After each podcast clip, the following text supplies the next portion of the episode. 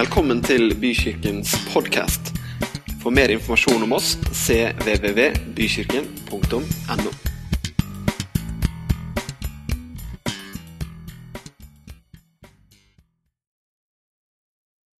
Vi tar det nok en gang. Tralalala. Jeg har vokst opp med det og har eh, ja, gått til samtaler siden.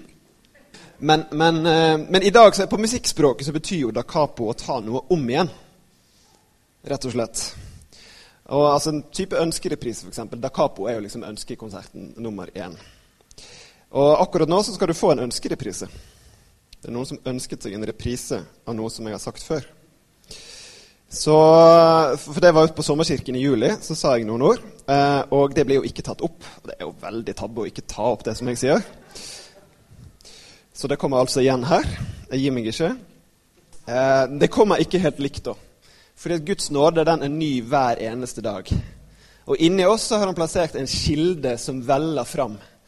Vi slipper liksom å ta egentlig av det gamle. For Gud har sagt at 'jeg har noe nytt for deg i dag' rett og slett. Så en ny touch skal vi levere i dag, og i tillegg så har vi fått lysbilder. Så da blir jo alt mye kraftigere, har jeg hørt, på sånn kommunikasjonskurs. Eh, vi kan få neste bilde opp. For jeg tenkte det at selv om eh, de fleste eh, er jo kanskje lei av ansiktet mitt, så er det ikke sikkert at alle vet så fryktelig mye om meg. Og det tenker jeg av og til sånn i, i kirken så tenker vi at ja, du er deg, og jeg er meg, og så Hvor kjent er vi egentlig? Den bunchen bak her, det er da, det er da min familie. Eh, plassert oppå hverandre i kronologisk eh, rekkefølge. Sånn at det skal være enkelt for alle å skjønne. Niklas øverst, som er min sønn på snart syv. Olivia på åtte. Eh, og Camilla og meg, som er i eh, Vi er vel i ferd med å entre slutten av 30-årene, er det noen onde tunger som vil ha det til å hete. Um, til daglig, hva gjør jeg for noe, da? Når jeg ikke står på scenen her, ikke synger og ikke gjør det ene eller det andre, da jobber jeg i et svensk IT-konsulentselskap driver med forretningskritiske løsninger, digitalisering og alt mulig sånn fancy-pansy greier. Høres skikkelig gøy ut, men det er en helt vanlig jobb som alle andre har. Sitter på et kontor og trykker på knapper og møter og alt sånne ting. Og så er jeg så heldig å få meg med i lederteamet her få lov til å tenke litt på hvordan vi skal gjøre kirke. Tenker du, Det har du sikkert noen meninger om hvordan vi burde gjort annerledes, og da kan du få lov til å si det. Så skal vi ta imot alle tips. Leder lovsangsarbeidet her i Bykirken. Og så har Camilla og meg også vært ungdomsledere her for en tid tilbake. Så det, det, det var meg. Vi går til neste, neste, neste, slide. Og Der står det at 'se deg ikke tilbake'. Jeg skal snakke om deg. For det er liksom ikke den veien vi skal. Vi skal ikke tilbake igjen, vi skal framover. Vi skal, vi skal inn, inn, i en framtid som har noe bedre, og jeg tror det, det er noe som er, som, er, som er, større. Og jeg har lyst til å bare ta også neste slag der hvor det kommer et bibelvers hvor det står det at Brødre, jeg mener ikke om meg selv at jeg har grepet det. Selv om det kan kanskje se sånn ut når jeg kommer opp her og vil ha større applaus. Men jeg mener altså ikke det. Det er Paulus sine ord. Brødre, jeg mener ikke om meg selv at jeg har grepet det, men ett gjør jeg. Jeg glemmer det som ligger bak, og så strekker jeg meg ut etter det som er foran, og jager mot målet til den seiersprisen som Gud har kalt oss til ovenfra i Kristus Jesus. La oss da, så mange som er fullkomne, ha dette sinn. Og om dere skulle være annerledes stilt i noe, så skal Gud også åpenbare dere det dette. Ikke så at jeg alt har nådd dette, eller allerede er fullkommen, men jeg jager etter det for å kunne gripe det, fordi jeg selv er grepet av Kristus. Så Paulus ser seg ikke tilbake, for det er ikke dit vi skal. Vi skal fremover. Det er ikke hans fortid som definerer liksom, hans framtid, men det er den han fester sitt blikk på.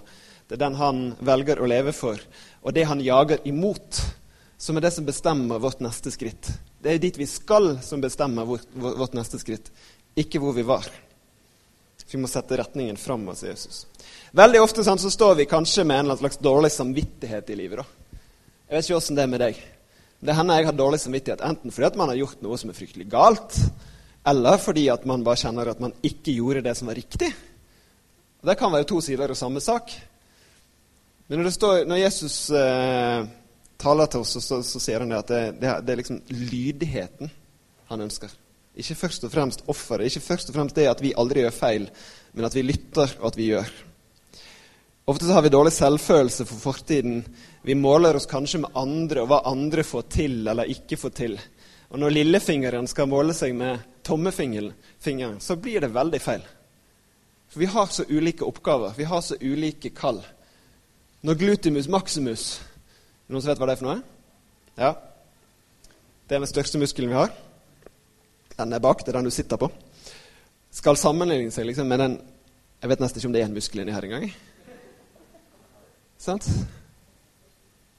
Der. Ja, den er der. Ja, det sier han. Det er bare en scene ut der, og så blir den justert av den muskelen. Det er bra vi har en sånn eh, anatomiekspert framme. Torgeir Skjellemo. Men ofte så sammenligner vi oss sjøl, og det, det, tenker jeg det skal vi ikke gjøre. Og Vi tenker på hvordan livet burde ha vært. Men i dag så har jeg lyst til å si det. jeg ser deg tilbake, for det er ikke den veien du skal. Um, Lot i Det gamle testamentet det var jo altså mm, en historie der hvor han og Abraham de tar hver sin vei. Lot ender opp i Sodoma og Gomorra, og de fleste har jo hørt uttrykket Sodoma og Gomorra, og der er det jo ikke noe god stemning. Eh, der, er det, der, er det, liksom ikke noe særlig. Altså. Ikke, ikke noe særlig lydighet til, til, Skriften, og de holder ikke fast ved bønnene eller brødsprutelse. Det var kanskje ikke brødsprutelse den gangen, men, men i hvert fall. Det var jo et, en setting som ikke var noe særlig. Så det her kommer til å gå galt, og det får jo da Lott beskjed om at dette her stedet her, det kommer til å bli tilintetgjort. Og nå er det bare til å dra. Så vi kan få opp neste verset som, eh, som står her. Og da står det at da, da, de nå hadde ført dem utenfor byen, så sa den ene Skal vi se Ja, det var riktig. Mm. Eh, fly for livet ditt. Det er altså en engel som sier dette. Se deg ikke tilbake, og stans ikke noe sted på sletten Fly opp i fjellene for at du ikke skal bli revet bort. Men Lots kone står det litt senere, hun så seg tilbake, og så ble hun til en saltstøtte. Det er jo en veldig dramatisk historie. Fryktelig dramatisk. Men jeg tror, eh, jeg tror det er også dette her et bilde på at ofte så ser vi oss tilbake. Og kanskje vi til og med lengter etter noe som handler om alt det som ikke har med livet med Jesus å gjøre. Kanskje det er synd, kanskje det er en avhengighet. Kanskje det er noe som Gud søker å rive deg løs ifra, og han sender deg ut og løser deg fra det, og så allikevel så dras vi imot det. Så snur vi oss, og så vil vi være igjen, og så blir vi fanget av det. Og så er det så lett at vi bare glemmer at, og lengter etter en slags frihet som ikke er en frihet. I samfunnet i dag så, så, så, er liksom friheten det aller høyeste. At jeg kan bestemme, og jeg kan bestemme akkurat hvordan jeg vil ha. Men når Jesus sier at når vi får grepet sannheten, så blir vi virkelig fri, så er det en frihet som er under et herreskap. Hvor vi kan få lov til å si 'Jesus, du er min herre, og du har kjøpt meg til frihet'. Frihet fra den jeg var, frihet fra der jeg har vært og friheten til å gjetterjage det som kommer. For han kommer med sin nåde.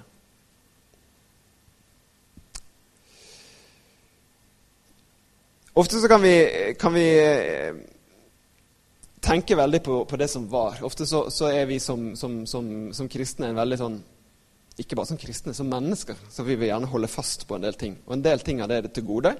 En del ting er ikke av det gode. Jeg tenkte jeg skulle vise neste, neste slide her, hvor det, hvor det kommer et, eh, et, kjøretøy her. Det er jo, er jo altså da eh, et kjøretøy eh, av den moderne sorten. Og så er det sånn at nå kommer, det, nå kommer den første selvkjørende bussen i Oslo. De tester det ut på Bakkenteigen her. Den bilen her kan egentlig kjøre sjøl, sånn stort sett. Eh, det går ganske greit, ikke det, Gunnar? Ja, ja, ja, ja det, det, går ganske fint. De kan kjøre sjøl. Men så, så, hørte jeg på NRK P1. Jeg kjenner meg litt gammel bare jeg sier P1, men ok. Jeg, jeg hører på P1 av og til. Eh, på torsdag nå denne uken her. Og da var det debatt om bl.a. temaet selvkjørende biler. Og da kommer da lederen for Amcar-foreningen. Og han skal kjempe for selvkjøreretten. Er det noen her som vil kjempe for selvkjøreretten? Det er altså retten til å kjøre selv. Hashtag come on.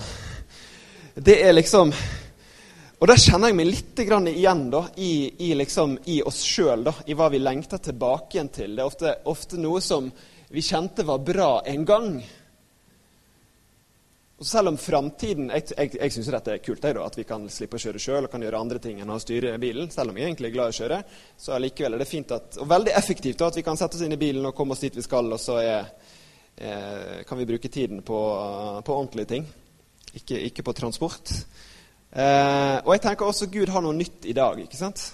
Hvis vi tar neste, neste bibelvers her, så står det at 'Se, jeg gjør noe nytt'. står det. Nå skal det spire fram, skal dere ikke kjenne det. Ja, jeg vil gjøre vei i ørkenen og strømmer i ødemarken, sier Jesus. Så Jesus kommer også med nye ting.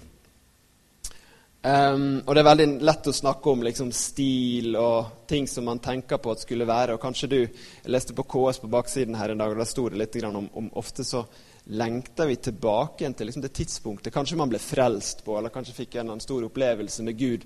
Så var det en eller annen slags stil, en eller annen slags musikkstil, eller det var kanskje en eller annen, en eller annen type predikant som prekte på en spesielt måte. Sant? Kanskje det var Osvald Instebø halleluja. ikke sant? Guds nåde er himmelen og sant? Eller kanskje du var mer på Åge, Åge Åleskjær, ikke sant? som eh, dro alle sammen inn. ikke sant? Eller kanskje du eh, Kanskje du, kanskje du, var i et stille rom med en prest som sa rolige ord, som traff deg der og da. Så har vi ulike innganger, ulike erfaringer som vi ofte søker tilbake til, og tenker at det er der Gud er. Og Da tenker jeg at da begrenser vi Gud veldig voldsomt. For at Gud gjør noe nytt. Så kan man like og ikke like det, men vi tror at Gud gjør noe nytt og at det spirer fram, og at det er noe som er for denne tiden, for denne generasjonen og for de som kommer, og ikke for de som er på vei ut. Tiden er annerledes. Gud er den samme, men han gjør noe nytt fordi at han møter mennesker på sin egen banehandel. Det er det som er selve bildet. Når Jesus dør på korset, så kommer han ned til oss. Han sier ikke 'kom opp hit til himmelen, her som jeg sitter' gjør det på min måte, men Jesus bøyer seg ned. Han kommer hit ned, blir født i en stall og blir møtt av gjetere. De første som forsynte vitnesbyrd om han, det hadde vært prostituerte. Det var liksom Gud kom helt ned til oss og møtte oss der vi var. Og Der tror jeg også at vi ikke skal tilbake igjen til et eller annet, men vi skal fram og så skal vi møte mennesker der de er akkurat nå. Og Jesus møter oss også der vi er akkurat nå i livet. Så jeg kan få neste, neste slide her. Dette er altså meg den 15.11.1999. Da sto jeg med en papirlapp i hånden, og den sto det 'midlertidig førerkort' på. Dere fikk da denne i posten.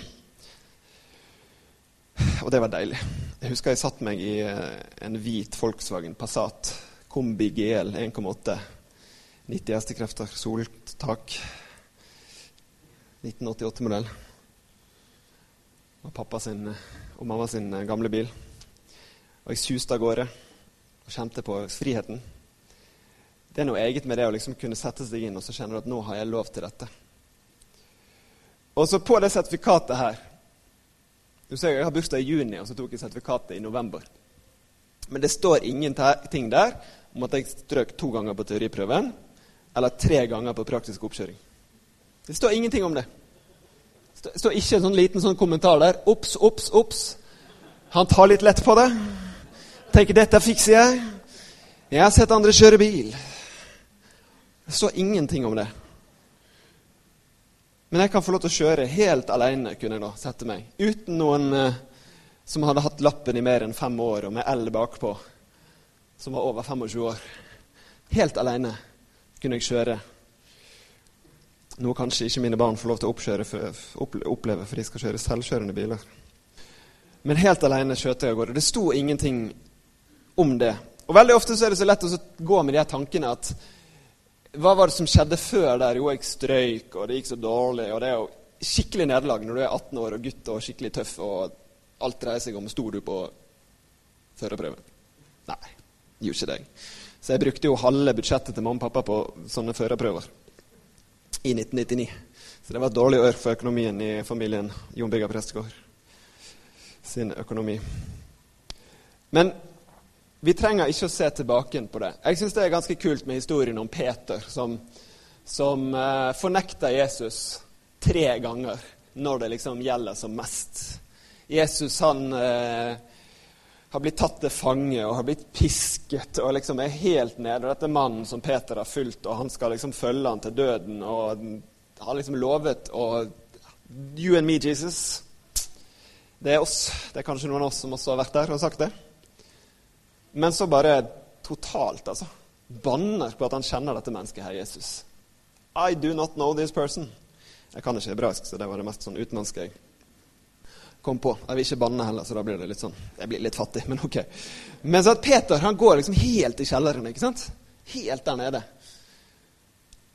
Og så kommer Jesus, han har stått opp igjen, og så får han gjenopprettelse. Han sier, 'Peter, elsker du meg?' 'Ja, ja, ja, jeg elsker deg.' Han får lov til å kjenne det at vet du hva, Jesus bryr seg ikke om hva jeg gjorde. Men han plasserer en tjeneste i meg. Han kaller meg for Klippen. Ikke fordi at jeg er en klippe, for jeg har jo akkurat totalt motbevist at jeg er en klippe. Men Peter ble kalt for Klippen fordi at han satt, hadde en kjærlighet til Jesus. Og noen uker etterpå så får han lede på én dag 3000 mennesker til Jesus. De blir lagt til forsamlingen. Noen uker etterpå at han har liksom gjort jeg tenker bare worst sin ever. liksom, Å bare stå mens Jesus blir pisket og pint og på vei mot døden. Så sier han bare 'Ikke tale om at jeg kjenner denne mannen her'. Og så noen uker etterpå så får han lede den første vekkelsen. Får han lov til å dele Guds ånd ut til mennesker. Får lov til å gjøre ting som aldri har blitt gjort før på denne jorden. Og det var han som bannet på at han ikke kjente Jesus. Så Gud, Gud, Gud har ikke noen sånn opptrappingsstige for deg og meg. Det er ikke sånn at vi skal hele tiden se på hvordan dag, og vi har liksom hatt nok gode dager bak oss. Nå har vi levd bra nok i mange nok dager til å liksom kunne be litt. Eller til å gjøre en oppgave eller gjøre et eller annet. Eller til å si ja til det som Jesus kaller oss til. Men Jesus kaller oss for sin nåde. Han er større enn vår utilstrekkelighet, han er større enn vår synd, han er større enn våre dårlige vaner. Han spør bare om plass, om oppmerksomhet og vår kjærlighet. Vårt hjerte er det han spør om. Hvis vi tar neste vers, så står det at 'min nåde er det nok'. Min nåde er nok for deg, for kraften den fullendes i svakhet. sant? Peter som totalt fornektet blir klippen. Og Derfor vil jeg helst være stolt av mine svakheter, for at Kristi kraft kan ta bolig i meg. Hans nåde er ny hver morgen. Hans nåde er nok for deg. Så uansett hvordan du snublet, så reiser han deg opp igjen og så sier han, 'Kom igjen. Elsker du meg?' spør han. Det er det han spør Peter. 'Elsker du meg? Har du meg kjær?' Jeg vasker bort det som var i går. Har du meg kjær?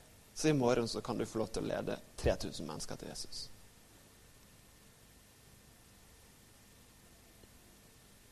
Gud bruker det som ingenting er. Det var en gjeng med fiskere, det var en gjeng med tollere, det var en gjeng med liksom vanlige folk. Denne gjengen som ledet vekkelsen, den første. Ingen av de hadde teologiske studiepoeng. Uten at det er noe galt å ha det. Men Gud bruker det som ingenting er.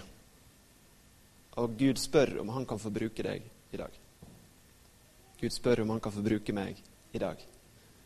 Så jeg tenker Hvis vi kan begynne hver morgen og hver dag med å si Gud, hvis du kan bruke meg, så gjør det. Uansett hva min gårsdag var, eller hvordan, hvilken fot jeg sto opp på i dag, så Gud, bruk meg i dag. Så tror jeg at noe veldig fantastisk kan skje. Det renner et Bunke, noen som har hørt om han? Det er jo en verdensevangelist som har liksom stått foran eh, tusener og millioner av mennesker og hatt liksom fantastiske sånne vekkelseskampanjer rundt i hele verden. Og Han forteller det at han, eh, han spurte Gud om hvorfor valgte du meg? Hvorfor var det jeg, meg, du kalte? Da opplever han at Gud ser at det var flere andre som sa nei før deg. Så det handler ikke om oss. Det handler om Han vi sier ja til, og kallet som Han gir oss. Vi kan få opp neste slide, og så skal vi lese gjennom hele Romerne 12.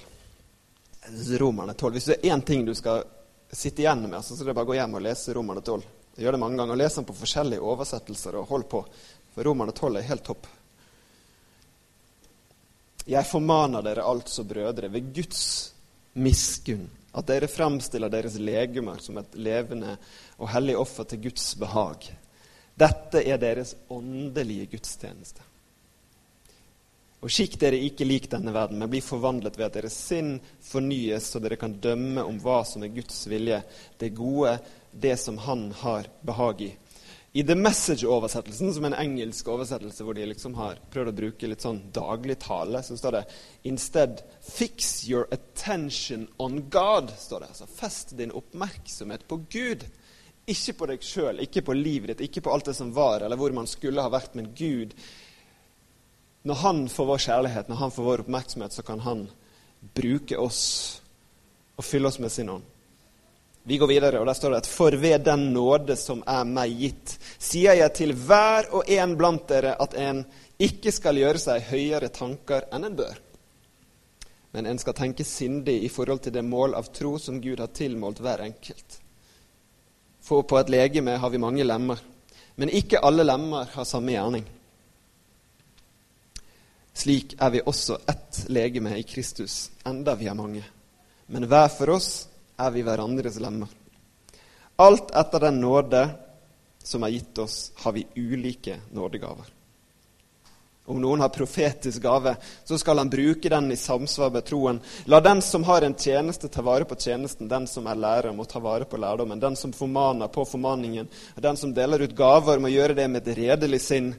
Den som er forstander, må gjøre det med iver. Eller den som er en leder, skal gjøre det med iver, står det i en annen oversettelse. Den som øver barmhjertighet, må gjøre det med glede. La kjærligheten være uten hykleri, og avsky det onde. Hold fast ved det gode. Vær, varmhjertet mot hverandre i broderkjærlighet, og kappes om å hedre hverandre. Og vær ikke lunkne i iveren, vær brenne i ånden. Tjen Herren. Vær glad i håpet tålmodig i trengselen, velholdende, vedholdende Ikke velholdende, noe annet. Vedholdende i bønnen. Kom de hellige til hjelp i deres nød, og legg vind på gjestfrihet. Velsign den som forfølger dere, velsign og forbann ikke. Gled dere med de glade, og gråt med de gråtende. Ha et sinn innbyrdes, trakt ikke etter det høye, men hold dere gjerne til det lave. Vær ikke selvkloke. Gjengjeld ikke noe ondt med ondt. Legg vind på det som er godt for alle menneskers øyne. Om det er mulig, da hold fred med alle mennesker, så langt det står til dere. Hevn dere ikke selv, mine kjære, og gi rom for vreden, for det står skrevet:" Hevn hører meg til, jeg vil gjengjelde, sier Herren. Om din fiende er sulten, så gi ham å ete. Om han er tørst, så gi ham å drikke. For når du gjør det, så samler du glødende kull på hans hode. Og til slutt så det La deg ikke overvinne av det onde, men overvinn det onde med det gode. Jeg kan lese Romerne 12 om igjen og om igjen og om igjen og om igjen og om igjen. og om igjen. For det er så sterkt. Gud kaller oss inn i en fornyelse. En stadig fornyelse. Sant? At vi skal ha et fornyet sinn. Ikke noe som fokuserer på det som var, men en som fokuserer på kjærligheten vår til Jesus. En som vi kan feste blikket på Jesus. Gud kaller oss til å ha en, en plass på hans kropp. En plass på hans legeme ut ifra det mål som han har gitt oss, av de nådegavene han har gitt oss. Så har vi alle ulike funksjoner, og når vi er alle sammen i funksjon, så fungerer de andre funksjonene mye, bedre. Når du har en muskel som du har vondt i, sant, så bare gjør hele kroppen vondt. altså. Det er det alt liksom dreier seg om det. Og Sånn skal det også være her. Når noen har vondt, så skal det dreie seg om det. Og så skal vi være der for hverandre når vi har nød, og når det er vanskeligheter, så skal vi være der for hverandre. Så skal vi også hjelpe hverandre også, så vi kan styrke hele legemet, eller hele kroppen. Fest blikket på Jesus, og la deg ikke overvinne av det onde, men overvinn det onde med det gode.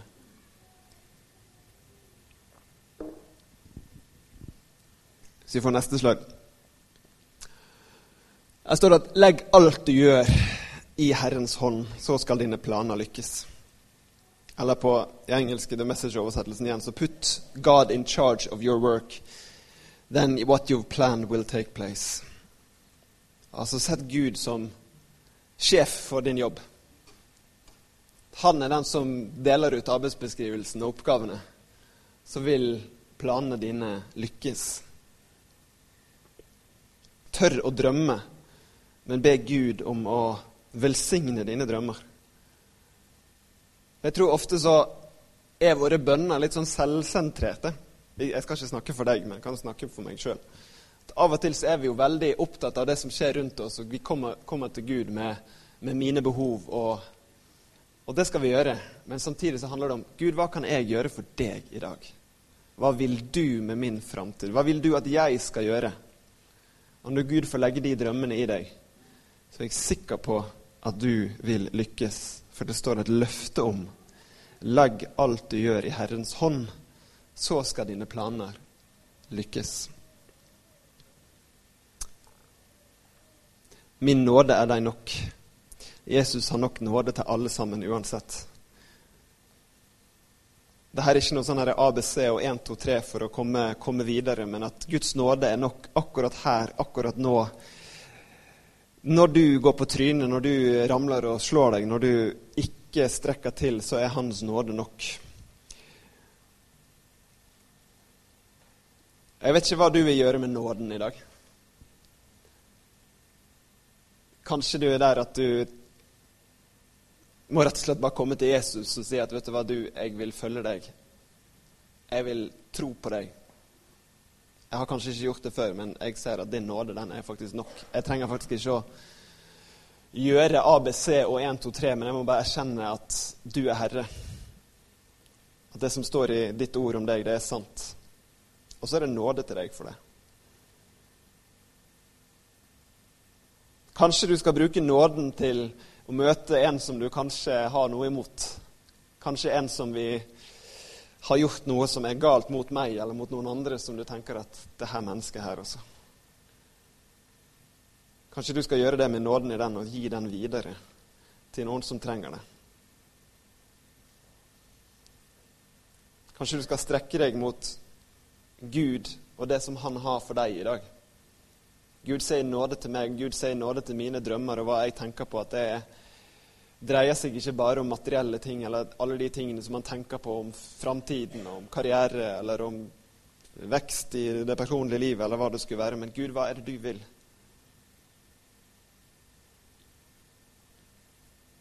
Spørre Gud om hva, kan, hva du kan tjene han med. Hvis Peter kunne nå tusenvis av mennesker noen dager etter at han lå helt nede så tror jeg flere av oss også kan få lov til å gjøre store ting for ham. Han har lovet at kraft, hans kraft skal komme over oss. Julia og lovsangsteamet, hvis dere kunne kommet opp litt. Nå skulle jeg kommet bort, men de skal forklare seg litt uten meg.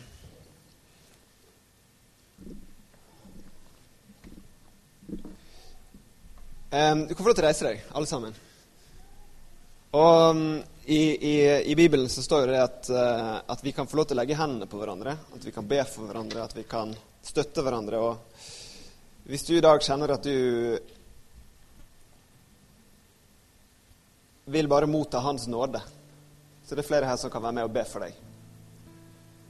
Om det er at du vil ta imot Jesus og ikke ikke har tatt den beslutningen, så kan du komme. Om du kjenner at uh, det er noe jeg bærer på som er en dårlig vane, eller noe som jeg vil slutte med, så kan du komme fram. Hvis du kjenner det at jeg står på et sted i livet hvor jeg tror at Gud kan bruke meg mye mer, så kan du også komme fram. Så Gud har nåde til deg til å faktisk gå inn og ta et steg inn i hans plan for ditt liv. Og se inn i framtiden. Så mens de spiller nå, så kan du få lov til å bare komme fram. Takk, Jesus, for at du ønsker at vi skal strekke oss til deg, Herre. Og du spør oss det enkle spørsmålet elsker du meg. Har du meg kjær, spør du. Jesus, takker deg for at du ikke først og fremst ser på hva vi gjorde i går. Men du ser på at vi kommer til deg nå og vender vårt ansikt til deg. At vi vender vår oppmerksomhet til deg, Jesus. Må du hjelpe oss hver eneste dag, Herre, og hvert eneste stund å vende vårt blikk til deg, Herre. Ikke bare på det som var, men å strekke oss fram mot deg, Jesus. Ber jeg om din velsignelse over hver eneste som har kommet hit denne formiddagen, Herre. Din fantastiske velsignelse. Takk for at jeg kan med frimodighet komme og be deg om hva som helst. Jeg har lyst til å be deg om din velsignelse over denne forsamlingen i ditt navn, Herre.